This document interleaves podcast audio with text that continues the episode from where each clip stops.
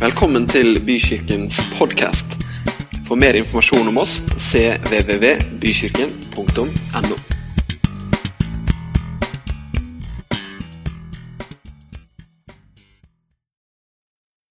Jeg ber en bønn jeg, før vi åpner Guds ord.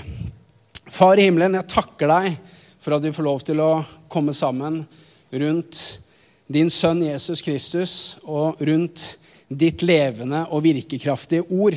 Jeg takker deg for at eh, du, Hellige Ånd, du snakker forbi mine notater. Du snakker lengre og dypere enn mine ord. Så vi gir deg plass, Hellige Ånd, til å skrive ting som eh, vi ikke bare kan skrive på notatene på iPhonen vår, men som du, Hellige Ånd, kan skrive på hjertets tavler. Takk for at du skriver noen ting på tavlene i hjertene i dag som eh, du risser inn, og som vi får ta med oss, og som eh, vi får lov til å la bygge oss opp i eh, den tjenesten og det løpet og den hverdagen du har kalt oss til å leve i. I Jesu navn. Amen. Amatørenes evangelium. Dette blir et budskap fra en amatør til andre amatører. Jeg er en amatør. Noen har liksom spurt oss om det. Hvorfor, hvorfor kalte vi den boka for 'Amatørenes evangelium'? Og du vet, En amatør det er en som driver med noe ikke fordi man er faglært eller profesjonell, men det er en som driver med noe fordi man faktisk liker, ja, ikke bare liker, men elsker å drive med det. Det ligger i betydningen av ordet eh, amatør. Og vi sier hele kirken med hele evangeliet, og det handler om at vi tror at evangeliet er ikke forbeholdt en profesjonell minoritet i kirken. Nei, det er noe som hele kirken forvalter som et fellesskap. Eh, det er sånn at eh, du har en plattform, evangelieformidling. Det er ikke bare forbeholdt de som har en scene og mikrofon. Nei, din verden er din plattform. Og din historie om hvordan evangeliet forvandla ditt liv, det er på en måte din mikrofon. Det er du, det du har å, å fortelle. Og sist gang jeg var her, så snakka jeg om å ha et, eh, et gjennomtenkt forhold når det kommer til hva selve budskapet eh, handler om. Hva er evangeliet? Hva er egentlig evangeliet? var overskriften min. Og jeg fortalte fra en historie i, eh, i, i livet mitt hvor eh, vi var på en venners venners fest, og så hører jeg noen venner fra kirka snakke med noen venner som ikke regner seg som kristne, som spør midt i en spennende samtale som har med tro å gjøre, så spør denne personen du, Hva er greia med at Jesus måtte dø på korset? Og Det var ikke et sånt spørsmål som ønska å male noen inn i et hjørne. Det var et åpent spørsmål. Eh, virkelig ønska å vite hvorfor måtte Jesus dø på korset. Og Jeg ser mine venner, det blikket flakker litt, og de, de blir usikre. Og jeg skjønner de leiter etter meg. Så som den helten jeg er, så stepper jeg inn i samtalen og forklarer etter beste evne hvorfor Jesus måtte dø på korset. Og vi hjelper jo hverandre. Vi er et team, team, i forhold til å lede nye mennesker til tro, som, som, boka og det jeg skal snakke om i dag, handler om. Men jeg må innrømme at etter den hendelsen så tenkte jeg også litt at egentlig så burde i hvert fall mine venner, for de hadde vært kristne noen år, etter å ha vært troende noen år, så bør egentlig enhver kristen være i stand til å kunne artikulere hva de gode nyhetene er. Hva evangeliet er for noe. Jeg vet at det er litt utfordrende eh, sagt. Eh, så Vi snakka litt om det forrige gang. Vi snakka om at evangeliet det er ikke gode råd, men det er gode nyheter. Da. det er gode nyheter. Eh, og vi snakka litt om ulike måter man kan si det, forklare det, eh, hva det betyr. I dag så skal vi snakke litt om hva er egentlig ditt vitnesbyrd? Hva er din troshistorie? For du skjønner, du har en historie som er prega av at du tror på Jesus. Du har en fortelling å formidle til andre som ikke tror. Og det er faktisk veldig ofte noe som Gud bruker i forhold til å lede nye mennesker til tro. Så bruker Gud andres historie. Er ikke det interessant? Hvordan din egen historie fletter seg inn i andres historie. Og så kommer det en historie igjen ut av det, og hvor de forteller det videre. Og det som eh, jeg har merka når vi prater om det her i kirka, når vi troende oss imellom snakker om, om det her med å dele, ens, eh, dele sitt vitnesbyrd, dele sin troshistorie, Så jeg har noen ganger observert at hvis det f.eks. er noen på plattformen som deler et såkalt veldig sterkt vitnesbyrd eh, Kanskje det var noen som har vært på evangeliesenteret og vært i rennesteinen og fått livet oppreist igjen. Det er fantastiske historier. Jeg elsker sånne historier. Men f.eks. en sann type historie. Og så går snakkisen etter gudstjenesten, og så snakker man om hvor sterkt det vitnesbyrdet er. Og så har jeg noen ganger hørt noen si litt sånn her at jeg, ah, jeg skulle ønske jeg hadde en sterk historie som det der. Men, men jeg, vet, jeg, jeg, har ikke, jeg, har ikke, så sterk historie å fortelle, jeg. Og du, jeg, jeg minner om at det gjør meg noen ganger litt sånn sorgfull når jeg, når jeg hører kristne si det. For det, saken er den at det, det fins egentlig ikke sterke og svake vitnesbyrd. Det fins bare sterke vitnesbyrd. Gjør det det? Ja, men jeg mener hvis du tror på Jesu døde oppstandelse, så er du frelst. Du er født på nytt, du er en ny skapning, du er et Guds barn. Du, du kjenner Gud. Det er klart du har en sterk historie. Det er klart du har en relevant historie å formidle til andre mennesker. Det står i Hebrebrevet kapittel 11 og vers 1-2 så, så står det at tro det er overbevisning om det man ikke ser. Eh, visshet om det man håper på. Og så kommer det en interessant setning, så står det For ved den, altså ved troen, fikk de gamle godt vitnesbyrd, står det. Og så kommer dette kapittelet om de såkalte trosheltene i Det gamle testamentet, hvor det står om Enok som vandra med Gud og ble rykka opp, Noah som bygde en ark, det står om Abraham og Sara som ikke kunne få barn, men det kom en stor slekt ut av den. Ikke sant? Det kommer, og, Man kan jo liksom sitte etter det og tenke ja, det hadde sannelig godt vitnesbyrd, men har jeg noe å komme med liksom, i lys av disse kjempehistoriene her? Men veit du hva det kapitlet avslutter med?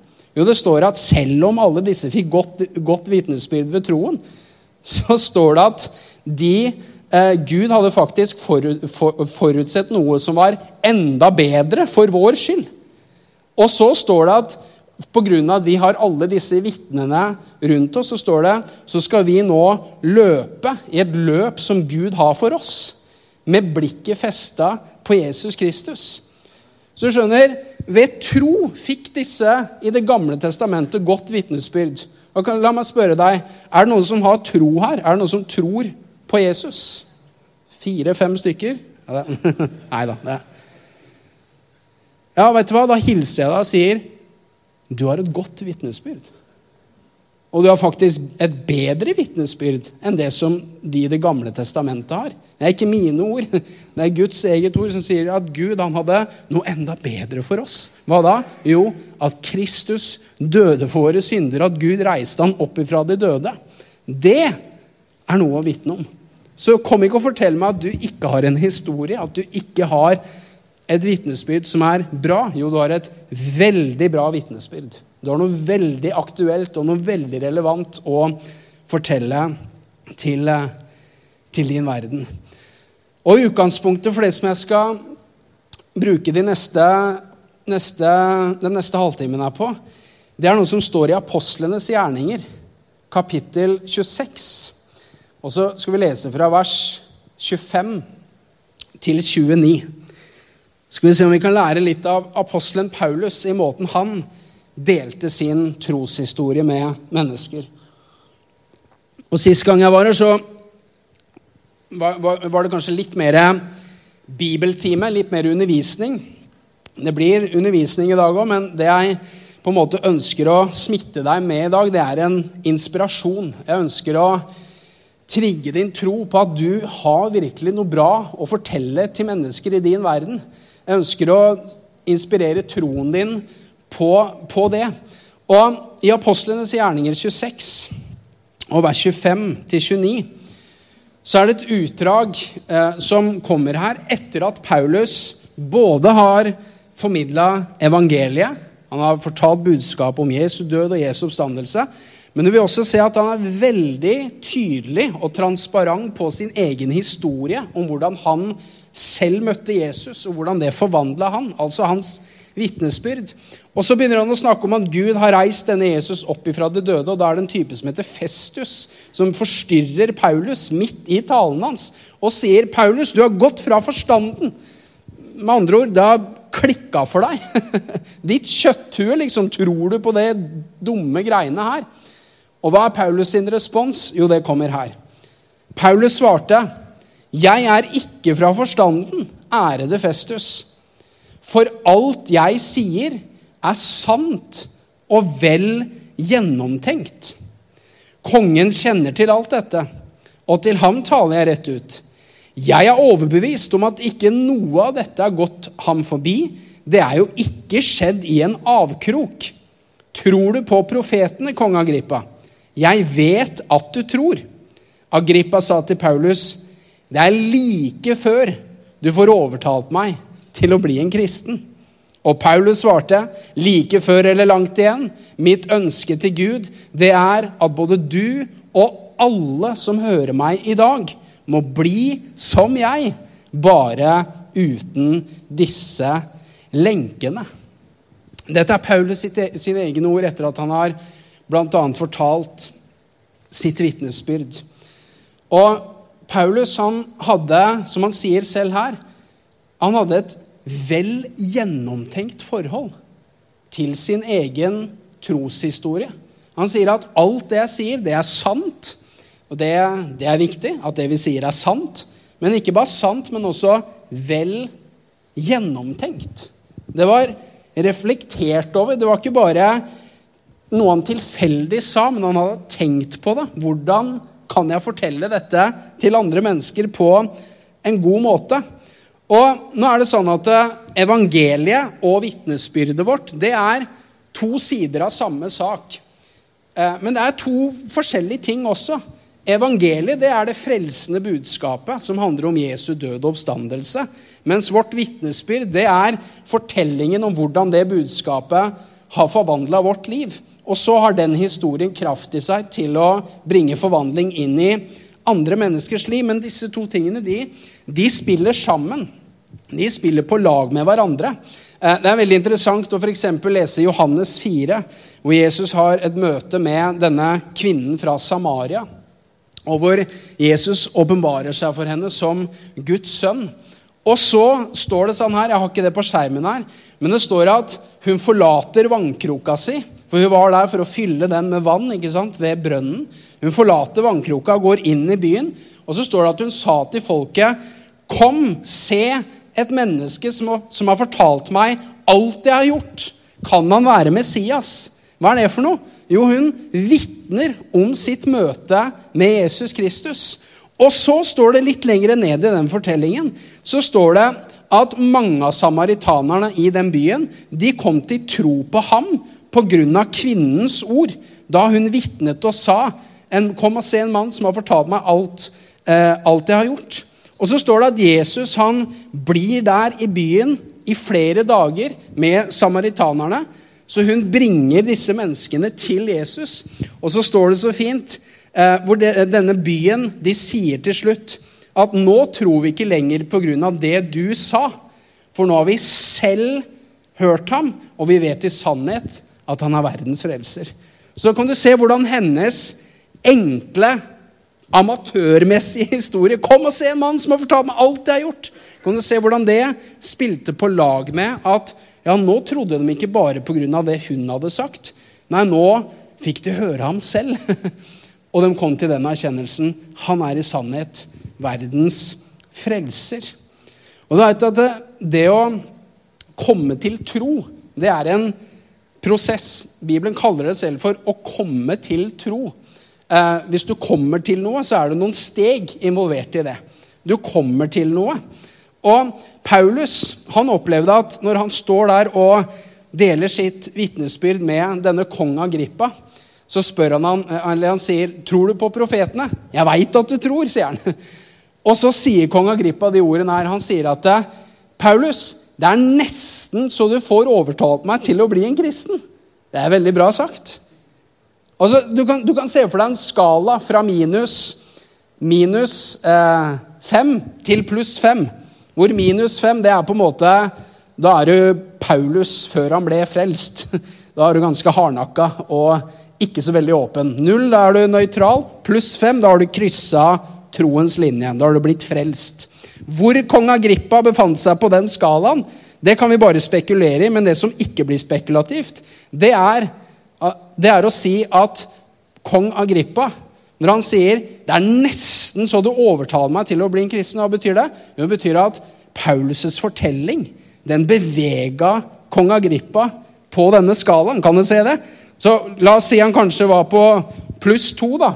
Og så sier han 'det er nesten så du får overtale meg til å bli en kristen'. Med andre ord, historien til Paulus den flytta kong Agrippa på den skalaen.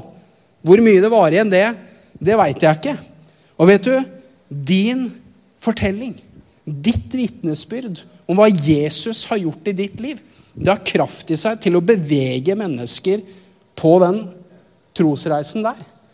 Hvor de er, og hvor de ender opp med, det, det kan vi bare spekulere i. Det kan Den hellige ånd gi oss innsikt i noen ganger også. Jeg skal straks dele en erfaring med deg på akkurat det. Hvor du kan få på en måte et kunnskapsord om at oi, her er det ikke mye igjen. Og hvor du kan nesten si som Paulus sier, jeg veit at du tror. men vi skal være forsiktige med å bare gjøre det sånn impulsivt. Men Den hellige ånd kan lede oss til å gjøre det noen ganger. Jeg husker en gang jeg var på bursdagsfest hos noen i menigheten. Og eh, jeg gjør ofte det eh, bare for det er helt naturlig for meg. Hvis jeg skal f.eks. på en bursdagsfest, i et bryllup eller et eller annet sted, hvor jeg vet at jeg møter mennesker og venner som ikke tror, så ofte så kan jeg bare be en sånn veldig enkel, bevisstgjørende bønn. Hvor Jeg kan si til Gud Gud, her er jeg, og hvis du, hvis du trenger meg, så har jeg liksom radaren oppe. Er det noen jeg kan snakke med? Er det noen jeg kan få lov til å bety noe for? Kanskje jeg kan fortelle historien min til noen. Jeg sier ikke at du må gjøre det sånn, men det er veldig bra. men bare en sånn, Ikke en sånn krampaktig ta seg sammen-greie, men bare en sånn bevisstgjøring om at radaren er oppe, Gud. Du kan få lov til å virke gjennom meg i dag. Så jeg drar på den bursdagsfesten, um, og så begynner jeg å prate med en en person som jeg aldri har snakka med før. Og uh, Dette er vennen til en annen venn av meg. De har vært i militæret sammen et helt år. Og uh, jeg skjønner ut ifra samtalen her at det er nesten så han blir en kristen. og jeg tenkte, skal vi ikke prøve å få det der nesten til å bli, bli liksom pluss fem, herre? og jeg skjønner at han har snakka masse med min, min venn. Og så begynner han å spørre meg hvorfor tror du og jeg får lov til å dele med ham. Bare helt enkelt og greit hvordan jeg ble en kristen. Hvem Jesus er. Og bare fortelle hvordan Jesus har forvandla livet, livet, mitt. Hvem, hvem, han er. Og jeg merker, jeg får denne innskytelsen. Jeg tror det var Den hellige ånd. Og jeg rett og slett opplever at jeg skal spørre han og det, det her, Slapp av, du kan invitere meg til bursdag uten at jeg gjør dette med alle dine ikke-kristne venner. Men jeg opplever rett og slett at jeg skal spørre han har du lyst til å oppleve det samme? Så jeg sier, du, har du lyst til å oppleve Jesus? Har du lyst til å bli kjent med han òg? Og han sier, ja, det har jeg. Så vi går opp på, på rommet i andre etasje, jeg og han og en annen kompis, og så ber vi sammen. Og tar han imot Jesus der og da. Og blir frelst. Dagen etterpå tok vi med på gudstjeneste. Der ble han helbreda også fra noe sjukdom i, i magen sin. Men så fantastisk. Og her Ja, yes. Og her, her, kommer jeg bare på en måte skliende inn på et bananskall. ikke sant? Her er det noen som har gravd i jorda, kultivert den og sådd og sådd og sådd. Og sådd, og så kommer jeg liksom bare drysser litt vann oppå det såkornet, og så, pju, så bare springer det opp. Men det er jo det også hva ditt vitnesbyrd er. Noen ganger så er det noe som man planter i hjertets jordsmonn til noen mennesker. Og vi, du vet aldri Du skal aldri undervurdere kraften i at du deler din historie. At du deler, når muligheten byr seg med noen, hva Jesus har gjort i ditt liv. Du aner ikke hvilken sprengkraft det kan være i det såkornet. Og det kan gå dager, uker, år. Men der, der, må vi stole på Gud. Jesus han snakker om det her også i Johannes 4. Han sier noen, noen sår, og noen høster. ikke sant? Og vi veit ikke alltid kommer jeg inn og på en måte er en som skal plante noe, eller er jeg en som skal vanne noe, eller er jeg en som skal, skal høste noe. Men la oss bare huske på det. Mennesker er på en reise. Mennesker er på denne skalaen, og så får vi lov til å noen ganger komme inn og, og bevege dem litt nærmere. Og så kanskje er det sånn Oi, Nesten. og så kanskje kommer noen andre inn. Jeg husker i, i nabolaget mitt en gang. Det var med en, en, eh, en veldig god nabo. Eh, vi begynte å prate litt og leke litt med hverandres barn ute på lekeplassen i nabolaget. Og så kommer spørsmålet hva, hva jobber du med? Og når du jobber som pastor, så har du noen ganger lyst til å si at du jobber som rørlegger. Nei da, jeg skammer meg ikke over evangeliet. Men det, det kan være en uh, conversation killer eller opener. Amen. Men vi er frimodige vi, og ærlige, så vi, alt vi sier, er sant og vel gjennomtenkt. Så jeg sa jeg er pastor. Oi, hvorfor er du det? Og det er jo 100 måter man kan svare på det spørsmålet på. Men jeg opplever bare der og da så får jeg den ideen. Fortell han hvorfor du ble en kristen, og så avslutter du med å si at du er pastor, for du vil at andre skal få oppleve det samme som du har opplevd. Genialt! Jeg står der og bare hører på meg sjæl og liksom nikker og Ja, dette er bra. og jeg merker at her er det myk, god jord som man bare putter noen solide frø inn i. Samtalen er ferdig. Jeg møter han dagen etterpå. Og så er han litt sånn perpleks i blikket. og liksom, 'Du, du husker det vi snakka om i går?' For han regna seg ikke som en kristen. da. 'Ja, jeg husker det.' Og han her jobber som um, hva heter det, fysioterapeut. Så sier han, 'Du, vet du hva, jeg opplevde noe helt sprøtt i dag.' For det, det, prat, det du fortalte meg om i går, gjorde inntrykk på meg. Og i dag så hadde jeg en kunde som hadde utrolig sterke smerter. Og jeg sa til den uh, kunden at Uh, du, jeg, jeg, skjønner nesten ikke hvordan klarer du å liksom ha den freden og gleden i livet ditt når du har sånne smerter. Og så begynte du å fortelle at jo, det er fordi jeg kjenner Jesus. At jeg klarer det. Og det, det var jo veldig tilfeldig, sa han til meg. Og jeg sa det ikke, men jeg tenkte nei, det er ikke tilfeldig. Her er det en som har sådd noe, og så kommer noen andre og, og vanner noe. Jeg, jeg har fortsatt kontakt med han. Jeg vet ikke hvor han er på reise, men jeg vet han er på en reise.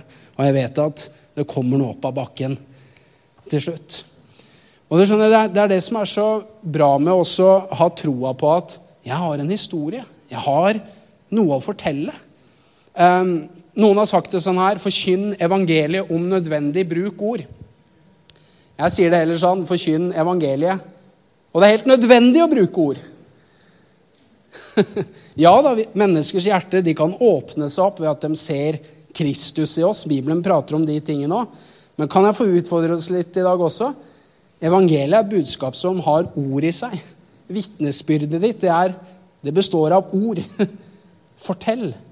Jeg husker jeg hørte Gina Gjerme. Du refererte til boken 'Bro til tro', som er en knallbra bok. Eh, de lanserte den boka faktisk på OKS, på lederkonferansen vår, for seks-sju år siden. Og Gina hadde et knallbra seminar og fortalte om hvordan vi kan lede nye mennesker til tro. Fortalte om en venn, en kristen venn som hadde så innmari troa på det her. På liksom det sitatet av Frans av Assisis. Forkynne evangeliet om nødvendig bruk ord. Så han bare så seg fram til at han skulle få liksom oppleve med sine ikke-kristne venner at de bare plutselig nesten skulle si 'Å, jeg ser Jesus i deg', liksom. Og nesten kaster seg ned på kne og blir frelst. Og det, det kan jo skje. En gang i skuddåret. Nei da. Det kan skje. Men så er, på, så er, han på en sånn personalfest og, og har liksom dette her veldig sterkt for seg. da. Og de, de spiser sammen, og så, så, sier kollegaen, som ikke er kristen, sier til han du, du, det er noe Det er noe spesielt med deg. Og han tenkte Yes! Nå, nå skjer det. Det har alltid vært noe spesielt med deg. Sier man ting. Er du vegetarianer?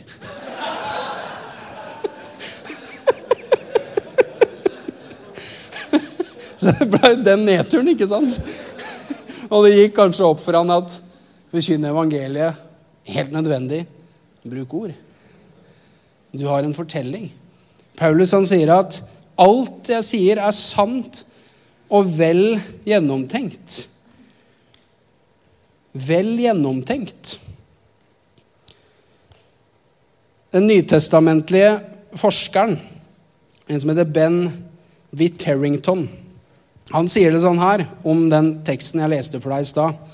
Han sier at denne talen er kanskje den mest elegante av alle talene i apostelens gjerninger.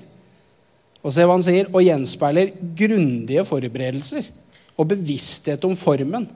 Vi forstår at Paulus her, til forskjell fra talen i tempelet, Apostelens gjerninger 22, har hatt tid til å reflektere og forberede en retorisk overbevisende tale. Paulus er her en, rang, er her en taler av rang, noe som fremgår av hans ypperlige retorikk. Hvis du sammenligner Paulus' vitnesbyrd her i Apostelens gjerning 26 med Apostelens gjerninger 22, de er nesten identiske.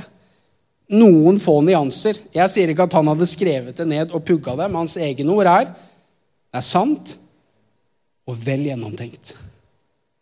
Det var forberedt. Han var på en måte i beredskap.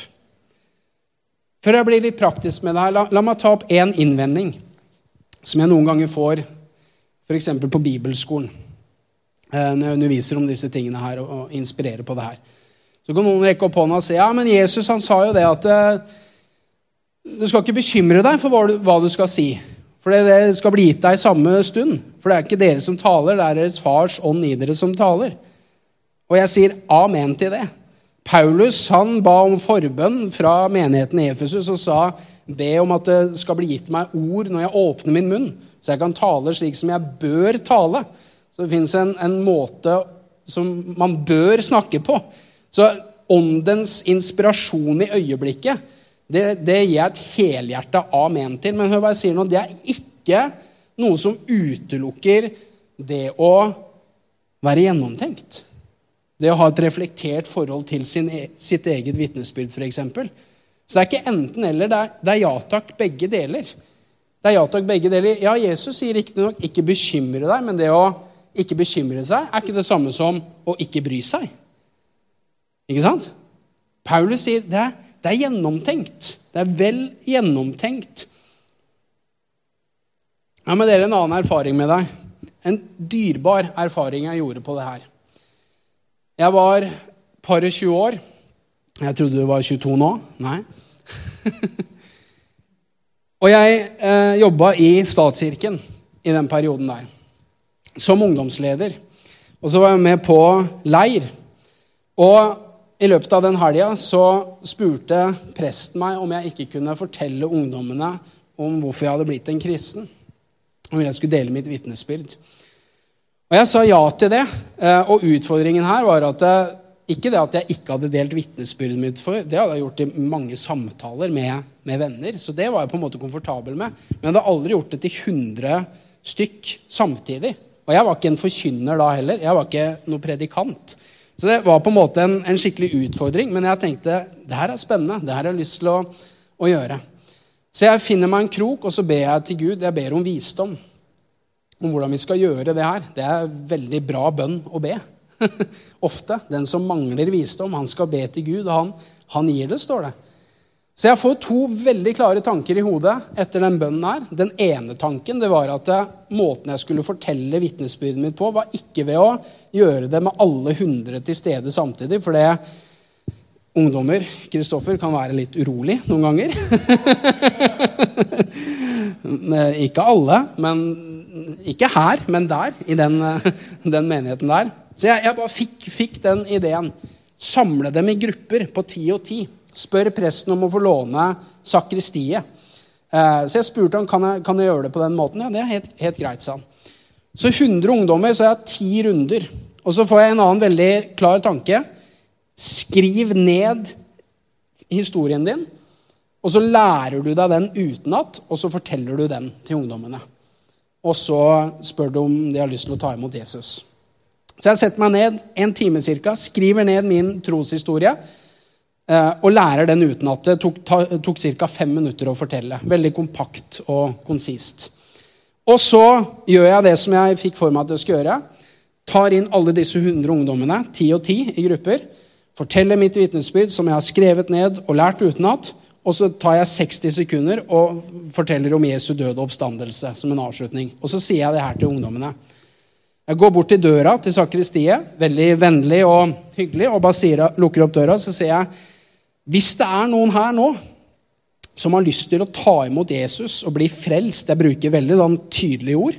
Som har lyst til å bli en kristen og oppleve det jeg sjæl har fortalt dere om, så kan du bli igjen her i et par minutter, så skal vi be sammen. Og hvis det er noen her som ikke har lyst til å gjøre det, eller kanskje ikke vil gjøre det nå, så kan dere bare gå ut i respekt for de andre, og så ses vi etterpå.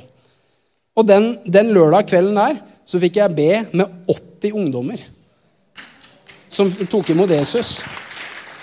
Og jeg, jeg, jeg, jeg sier ikke at alle de 80 ble ble frelst, men jeg, vet at majoriteten av de 100 ungdommene, eller av de 80, de kom fra hjem som ikke regna seg som kristne. Jeg har snakka med mennesker flere år etter det, den hendelsen der, som er bevart i troen.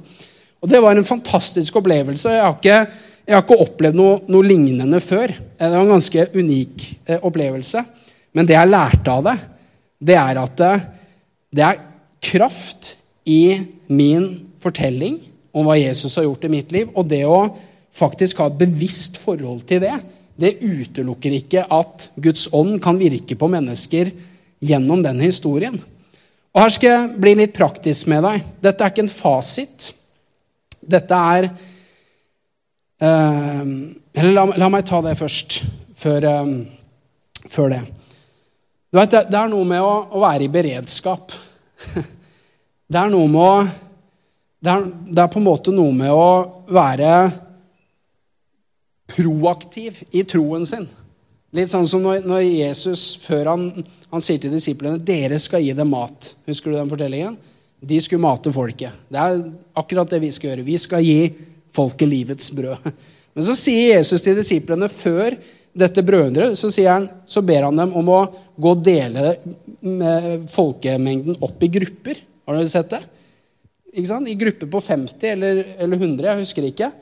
Hva er det for noe? Det er proaktiv tro. Kan du se det? Det er som om de, de forbereder seg på miraklet som skal skje. Og så får de brødet og deler ut, og miraklet skjer mellom hendene på dem. Og de metter dette folket, som er et nydelig bilde på at vi skal gi folket evangeliet. Vi har livets brød i våre hender. Eh, men selv om vi har det, så, så utelukker ikke det å gjøre noen ganger litt forberedelsesarbeid, som f.eks. å i det tilfellet var å dele de opp i mindre grupper. Og i, i, den konteksten her som vi snakker om i dag, å dele vårt vitnesbyrd, så utelukker ikke det må være forberedt, det må være i beredskap, utelukker ikke kraften i evangeliet og kraften i Den hellige ånd. Nei, de to tingene virker sammen. Det står i Feserbrevet 6,15 så står det 'og ombundet på føttene' med den beredskap til kamp som fredens evangelium gir. Jeg er fotballtrener for juniorer. Og da er jeg opptatt av at alle skal få spille. Det er viktig når du er trener. Det skal være rettferdig. Og Derfor så blir det også en del innbytte i løpet av kampen. Ganske mye. Og det som jeg sørger for som trener, det er at før innbyttet skjer, så skal spillerne stå ved siden av meg som trener. Og så er det veldig viktig at skolissene er knytt skikkelig. Hvorfor er det viktig? For Hvis ikke, så i verste fall får uh, Ole en fotballsko som flakser i panna på han. ikke sant? De må sitte støpt på skoa. Det er veldig viktig for å spille bra. Se for deg et helt lag som har løse lisser. Det blir dårlige resultater. Du, du blir ikke sendt ut på banen hvis ikke du har knytt skoene dine. Men hvis du har knytt skoene dine, så posisjonerer du deg for noen pasninger. Det er et veldig enkelt bilde på, på den teksten her. Ha som sko på føttene, vær i beredskap med den freden som evangeliet gir. Vær forberedt. Og, og det er egentlig veldig naturlig. Akkurat som det var for disiplene å dele disse folkene opp i grupper, så er det også Hvis vi tror at yes, Gud vil bruke min historie inn i andres historie. Hvis vi tror på det, så er det helt naturlig. Akkurat som det er naturlig å knyte skoa sine før du skal ut på banen og spille. Hvis vi tror at Gud har en bane for meg, at det fins noen pasninger fra Den hellige ånd og fra noen lagspillere i min hverdag, ja, da, da knyter jeg skoa mine sånn at jeg er klar til å ta imot den ballen og få den i mål og, og vinne noen nye mennesker. Er du med meg her? Så vær i beredskap. Og her er en øvelse, ikke en fasit. Du må ikke gjøre det sånn her. Det er kun ment som inspirasjon. Eh, den, den, er tatt rett fra boka. Eh, for deg som har boka eller eventuelt vil kjøpe den, så fins det også ti eksempler fra folk i kirka vår som har løst den oppgaven her. Men hvis ikke du har boka, ta et bilde av det. Se om ikke du kan bli inspirert til hvordan du kan dele fortellingen din på en enkel og effektiv måte. Og jeg Ikke tenk at du skal stå på en scene nå med en mikrofon hvis du vil prøve deg på den øvelsen her. Tenk at nei, det her er bare en måte jeg ønsker å forberede meg på i forhold til å samtale med en kollega, en nabo, et, familiemedlem. Og eh, jeg sier i oppgaven her Hvilken forskjell har Jesus faktisk gjort i ditt liv? Hvordan var du før, og hvordan er du nå? Og så sier jeg om du ikke har et veldig tydelig før eller etter, for det, det er mange som har vokst opp med, med, troen. Og da vil jeg si til deg, du må i hvert fall ikke tenke ah, jeg har ikke noe sterkt vitnesbyrd. Det er fantastisk. tenk deg det. Du har vært bevart i troen hele livet. Det er nydelig. Det er en kjempebra historie. Eh, så om du ikke har veldig tydelig før eller etter, fordi det kanskje har vært troende hele livet, så tar du utgangspunkt i den gangen troen ble et personlig og bevisst valg. Så eh, sier jeg skriv ned ditt vitnesbyrd med maks 150 ord, som tar maks 1 12 minutt å fortelle. Det er litt jobb å gjøre det, men det er en veldig spennende øvelse også. Det jeg opplever når jeg gjør den øvelsen her, og det jeg har fått tilbakemelding på fra mange andre også, det er hvor takknemlig man blir også. Man virkelig begynner å tenke over hva Jesus faktisk har gjort i livet mitt. Du blir takknemlig over det. Vi har gjort det her i smågruppene våre, i, i menigheten vår. Så er en og, og så har vi øvd og fortalt vitnesbyrdet til hverandre som en øvelse. Men det er en herlig måte å bli bedre kjent med hverandre på også. Plutselig så får du høre troshistorien til noen du har kjent i mange år, men du har egentlig ikke hørt hvordan kom de til tro. Det er en veldig fin måte å knytte vennskapet også. Eh, og så skriver jeg eh, Del gjerne historien inn i tre deler. Hvem var du før du kom til tro på Jesus? Hvordan kom du til tro? Hva skjedde? Og så gi noen nøkkelord som beskriver hvem du er etter at du ble en troende. Og så skriver jeg altså bare hva du bør være obs på. Sikkert andre ting man kunne lagt til her. Uklarhet. Kom til poenget. Religiøs og intern sjargong. Født på ny, åndsfylt osv. Det er ikke noe gærent å bruke de ordene, men blir det for mange av dem, så blir det Christianese. da, da, skjønner ikke folk hva vi snakker om. Også overlegenhet, ufølsomhet. Um, husk på at den eneste forskjellen mellom deg og den som ikke tror, det er Jesus. Som en avslutning så skal jeg faktisk, og jeg har ikke det for vane, å drive med høytlesning fra en bok jeg har skrevet sjøl. Men jeg, bare som en inspirasjon Så jeg har lyst til å lese historien til en veldig god venn av meg. Han, eh, han ønska å være anonym. De andre historiene har navn og alder. Her er en av mine beste venner. Jeg, jeg opplevde Når jeg forberedte meg, så opplevde jeg også at jeg skal lese denne historien her. For jeg tror det fins folk her i dag som har noen gode venner, familiemedlemmer, mennesker som Gud har lagt på hjertet ditt. Men så ser du, ser du kanskje ikke noe, noe glimt av, av liksom at de nærmer seg nærmer seg å komme til tro. Kanskje et barnebarn du har bedt for lenge. Kanskje en venn, en kollega. Og det kan ta tid noen ganger før mennesker kommer til tro. Det er en, det er en reise. Det var det for, for, flere av oss som er her også. Og ikke Det er kanskje noe av oppmuntringen jeg vil du skal sitte igjen med etter at du har hørt den historien, for den, den, den setter ord på også hvordan vitnesbyrdet til andre kristne er med å, å bevege mennesker nærmere det å, å komme til tro.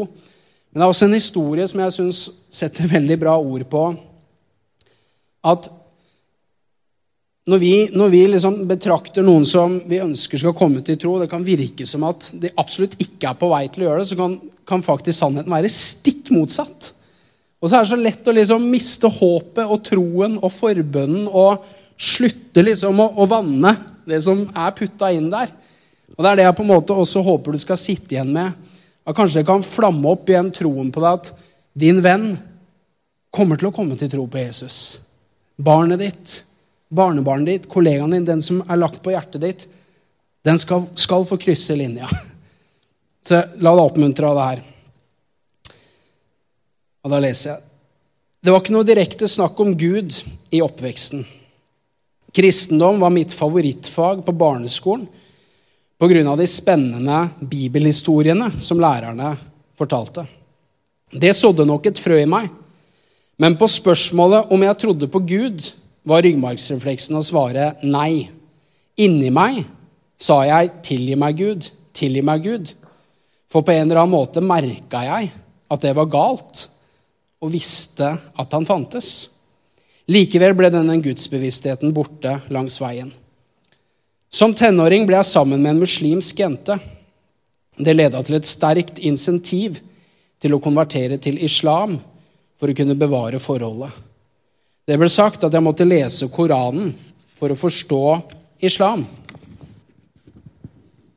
Da gikk jeg på Deichmanske bibliotek for å låne en koran. Jeg leste noen kapitler hver kveld, noe som resulterte i sterke åndelige opplevelser som jeg i dag er overbevist om at stammer fra mørke krefter. Jeg vil ikke gå inn på detaljene, men det var såpass heftig at jeg var på vei ut og inn av kroppen min opptil ti ganger per natt i en periode på to uker. Det var skremmende. Jeg fryktet døden, og jeg trodde jeg var blitt gal. Da jeg fortalte kjæresten min om dette, begynte hun å fortelle meg om en venninne som var datteren til en imam, og som hadde samme opplevelser. Jeg fikk beskjed om at dette var djinner, som ifølge Koranen eh, kan være onde og farlige åndsvesener. Videre ble jeg opplært i en muslimsk bønn som skulle hjelpe, noe den også gjorde, og til slutt slapp det helt taket. Og i min virkelighetsoppfatning var jeg nå på vei til å bli opplyst fordi jeg tolket dette som en bekreftelse på at islam var den sanne religionen. For å gjøre en lang historie kort så endte jeg opp med å konvertere til islam og levde som muslim i ni år. Bare skyte inn og si dette skjedde samtidig som da jeg ble frelst. Så når dette skjer med han, så blir jeg frelst, og jeg opplever det blir lagt tungt på hjertet mitt. Han skal jeg lede til troen på Jesus. Og kan du se hvordan det bare formidler det stikk motsatte? Jeg tenkte, Hvordan i alle dager skal det skje? Vel, her er hvordan det skjedde. Det var vanskelig å leve som en god muslim, og jeg hadde mye dårlig samvittighet for at jeg levde som en muslim light. Tiden gikk, det ble slutt med kjæresten. Av ulike årsaker ble livet mitt vanskelig. Det fikk meg til å tvile litt på islam. På nyhetene så jeg også hvordan ekstreme muslimer utførte onde handlinger i Guds navn. Hvordan kunne Gud ønske noe slikt? Hvordan kunne de forsvare en slik religion? Angrepet på det franske satiriske ukemagasinet Charlie Hebdo preget meg veldig i denne prosessen. Etter hvert fikk jeg en ny kjæreste. Så skjedde det at hun fikk seg noen kristne venner som tok henne med på gudstjeneste. Der tok hun imot Jesus. Hun ble totalt forvandlet. Det fikk meg til å tvile enda mer på islam. I tillegg begynte jeg også å tenke på hvor forvandlet min venn fra ungdomstiden, Trond Egil, ble da han ble en kristen. Tvilen eskalerte. Hjemmet vårt ble gradvis fylt opp av bibler.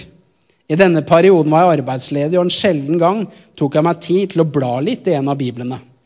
En kveld opplevde samboeren min veldig sterkt at hun skulle spørre om å få lese i lignelsen i Bibelen for meg, om den fortapte sønn i Lukas 15. Jeg tillot det, og plutselig fikk jeg en rar følelse over meg. Og jeg kjente at Gud fortalte meg at jeg var den fortapte sønnen. Jeg knakk sammen, gråt ukontrollert og fikk en klem av kjæresten min. Det verste du som muslim kan gjøre, er å forlate islam. Selv tvil kan få deg til fortapelsen. Jeg var livredd. Derfor så fornektet jeg det hele og ville ikke innrømme hva som hadde skjedd med meg. Jeg turte så vidt å lese i Bibelen. Jeg følte meg overbevist samtidig som jeg ba Allah om tilgivelse for det. Tiden gikk, og jeg rådførte meg med Gud. Jeg spurte hva som var rett. Da fikk jeg mot til å åpne Bibelen. Jeg slo opp et helt tilfeldig sted og endte opp i Matteus evangelium 7,7. Be, og det skal bli gitt dere. Let, og dere skal finne. Bank på, og det skal bli åpnet opp for dere. Da kjente jeg sterkt at jeg trodde på Gud. Men hvis Gud virkelig elsket meg, ville han vel vise meg veien. Jeg ba til Gud en gang til. Hva er sannheten? Er Mohammed den siste profeten, eller er Jesus Guds sønn? Hvilken vei er den riktige veien? Jeg har åpnet Bibelen på et nytt, tilfeldig sted, og det første øynene festet seg til, var Johannes evangelium 14 og vers 6, hvor Jesus sier, 'Jeg er veien, sannheten og livet'. Ingen kommer til far uten ved meg. En times tid etterpå slo jeg opp på nok et tilfeldig sted. Det var Matteus 7,15. Vokt dere for falske profeter. Jeg kunne fortalt om flere lignende episoder. Men selv om Gud svarte meg, valgte jeg likevel å rasjonalisere det som tilfeldigheter pga. frykten for konsekvensen av å forlate islam. Parallelt med disse opplevelsene hadde Trond Egil tatt meg med på gudstjeneste. Jeg fikk et positivt inntrykk av kirken. Da kona dro til Brasil for å besøke familien sin, bestemte jeg meg for å dra alene på gudstjeneste i Citykirken. Jeg trodde inni meg, men turte ikke å si det til noen. Er veldig bra beskrevet. Prekenene berørte meg, og uken etter dro jeg til Filadelfia-kirken og fikk samme opplevelse. Da kona kom hjem Vi er straks ferdig nå. Da kona kom hjem, sa jeg til henne, still meg det spørsmålet du pleier, om jeg vil ta imot Jesus som min personlige herre og frelser. Hun spurte, og jeg bekjente for første gang min tro på Jesus. Og Noen uker senere besøkte jeg Trond Egil og fortalte om hva som hadde skjedd. Han ble veldig glad. Ikke lenge etter ble jeg døpt og har siden vært en del av OKS Groruddalskirken. Etter at jeg tok imot Jesus, har ting løsnet i livet. Jeg møter utfordringer på ny måte.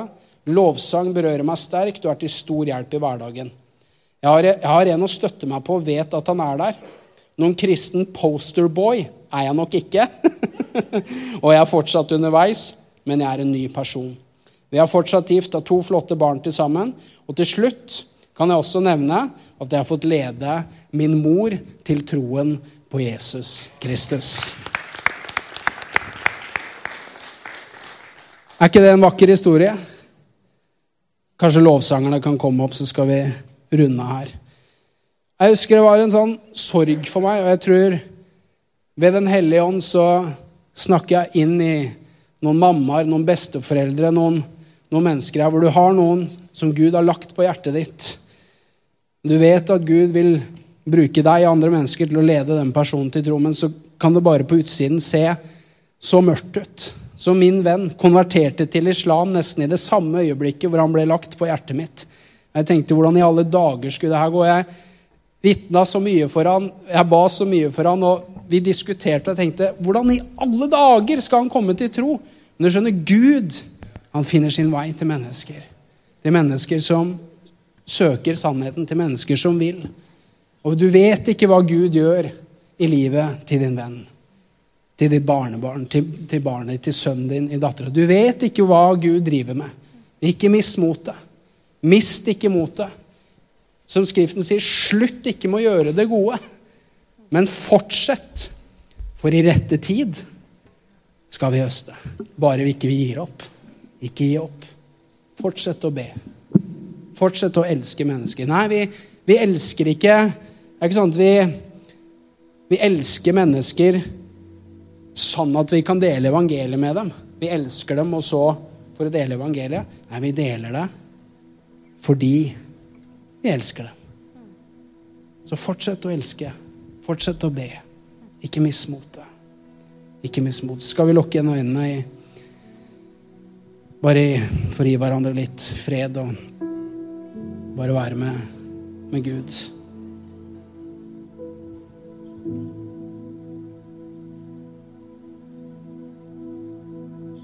Jeg har lyst til å bare spørre Er det noen som rett og slett bare opplevde det siste jeg fortalte? Alle opplevde sikkert det var trosstyrkene.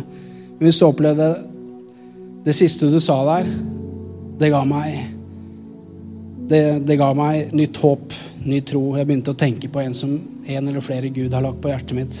Kan ikke du bare løfte opp hånda di hvis det gjelder deg? Yes, Gud velsigne deg. Gud velsigne deg. Gud velsigne deg så mye. Flere. Så bra. Jeg har bare lyst til å, å be en bønn for deg bare gjøre en forbønn for deg i kraft av det vi har snakka om i dag. La oss be sammen. Far i himmelen, jeg takker deg for at ingenting er umulig for deg. Jeg, jeg takker deg, far. Takk for at det som allerede er sådd i hjertene til de menneskene du har lagt på vårt hjerte. Takk for at det såkornet, det ligger og spirer.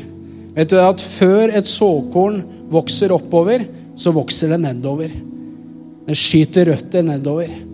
Og det er som om jeg ser Når jeg lukker igjen øynene, så er det som om jeg ser røtter som skytes ned i jorda fra et såkorn som ligger der. Men ikke fortvil. Bare fortsett å vanne det såkornet med å være tålmodig. Elsk. Be for det mennesket. Be om at Gud sender andre mennesker inn i livet til det mennesket. Ikke gi opp. Ikke gi opp. Mist ikke motet, for i rette tid skal du få være med å høste. Så skal du få se at det der som vokser nedover Åh, var det voldsomt så lange røtter? Ja, men du skjønner, Gud gjør et solid verk i mennesker. Og når det kommer opp av bakken, så er det som kommer opp av bakken, det er solid. Det er en ny skapning i Kristus Jesus. Et menneske som er født på nytt, et menneske som er et Guds barn. Og det kan ta tid. Det er som når vi ligger i mors mage, ligger der i ni måneder i mørket. Men så ser du magen bli større, du ser noen tegn, og så kommer det ut et vakkert menneske. Sånn er det også med de menneskene som du tenker på akkurat nå. Så jeg takker deg, far. Vi ber for de menneskene. Vi velsigner det såkornet som er sådd i hjertet deres, og vi takker deg, far, for at du virker på dem. Vi ber om at de skal bli frelst, at de skal få lov til å komme til sannhetserkjennelse. Vi veit det er din vilje, Gud. Og takk for at du bruker oss og vår fortelling og at du sender andre mennesker inn i deres liv, sånn som du har sendt mennesker inn i våre liv. Takker deg for det, far. Jesu navn. Mens alle øyne også er lukket, så har jeg lyst til å bare avslutte med, med å spørre om det kanskje er noen her som aldri har tatt et bevisst valg i livet sitt om at du ønsker å ta imot Jesus som din herre og din frelser. Kanskje det er et fremmed begrep for deg til og med, Jesus som frelser og herre. Men en veldig enkel måte å si hva kristen tro ikke er, og hva det er, det er at det, det er ikke sånn at Gud står med en slags faktura, står der med en regning og liksom viser deg all synd du har gjort, all din umoral, og så står det liksom 'betal så mye'. Her er regningen. Gjør så mye gode gjerninger. Så veier du opp, liksom. Så kan du komme. Så kan jeg ta imot deg. Det er på en måte hva all gudstro uten Jesus handler om. Og vi skal gjøre opp for oss. Men hør hva jeg sier nå. Gud han er ikke en Gud som står og viser oss mennesker en regning som sier hvor mye vi skylder Gud. Ja, du skjønner, Gud sendte sin sønn til verden. Han heter Jesus Kristus. Han ble et menneske og levde det livet ingen av oss klarte å leve. Og så døde han den døden som vi alle fortjente. Døde på korset, hvor Gud plasserte all vår synd på Jesus. Og så betaler Jesus det som vi skyldte Gud. Og så roper Jesus ut på korset rett før han dør, så sier han, 'Det er fullbrakt. Det er ferdig.' Og så dør Jesus. Så det er betalt for.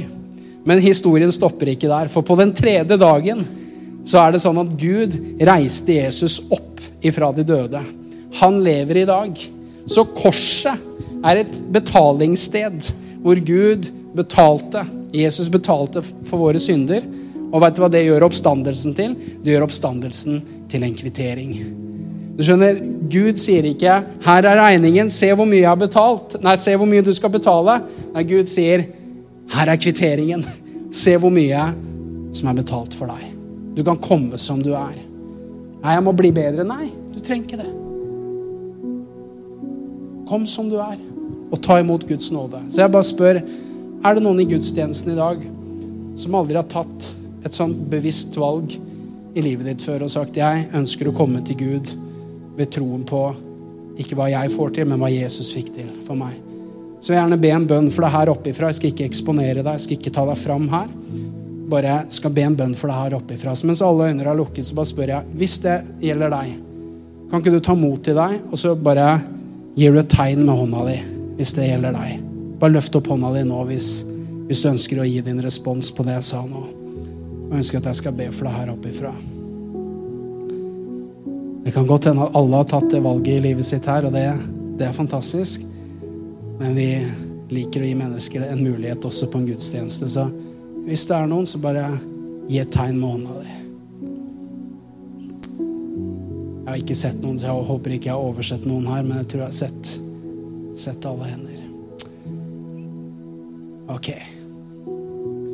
Vi kan reise oss opp på beina, og så skal teamet her lede oss i lovsang. Og eh, jeg kommer til å gå bort i, i hjørnet der etterpå og være tilgjengelig for, eh, for forbønn. Og jeg har spesielt lyst til å be for deg som sliter med frimodighet i forhold til å dele ditt vitnesbyrd og dele troen med andre. Vi lever i et samfunn som stadig forteller oss at tro er en privatsak. Men tro er ikke en privatsak. Det er en personlig sak, ja. Men det er også en offentlig sak. med visdom, absolutt. Takk Gud, vi, har, vi, slipper at myndighetene putter troende inn i fengsel. Men vi, det er krefter i vårt samfunn som prøver å putte troen inn i skapet. Men Jesus han sa, 'Gå ut i all verden'. Og han sa, at 'Dere skal få kraft' idet Den hellige ånd kommer over dere til å være vitner. Så vi har Den hellige ånd i oss. Og jeg har lyst til å spesielt be for deg som kanskje sliter med den frimodigheten, og legge hendene på deg og be for deg om at den menneskefrykten skal brytes, og at du skal få komme i berøring med Guds ånd som er i deg, som gir deg, gir deg det motet vi trenger for å dele troen offentlig. Amen.